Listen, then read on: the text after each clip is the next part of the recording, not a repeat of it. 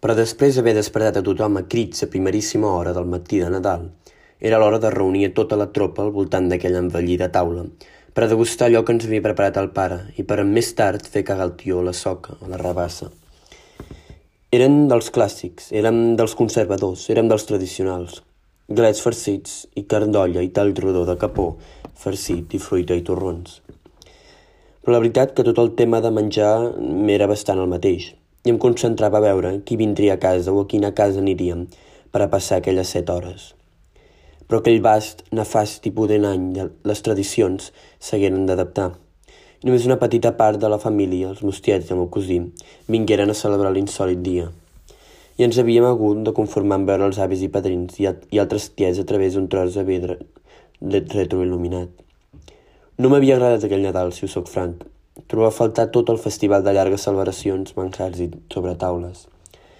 Diferent sí, però no acceptable. Un Nadal nostàlgic, buit, negre, i que esperava que no esdevingués un model a seguir. thank you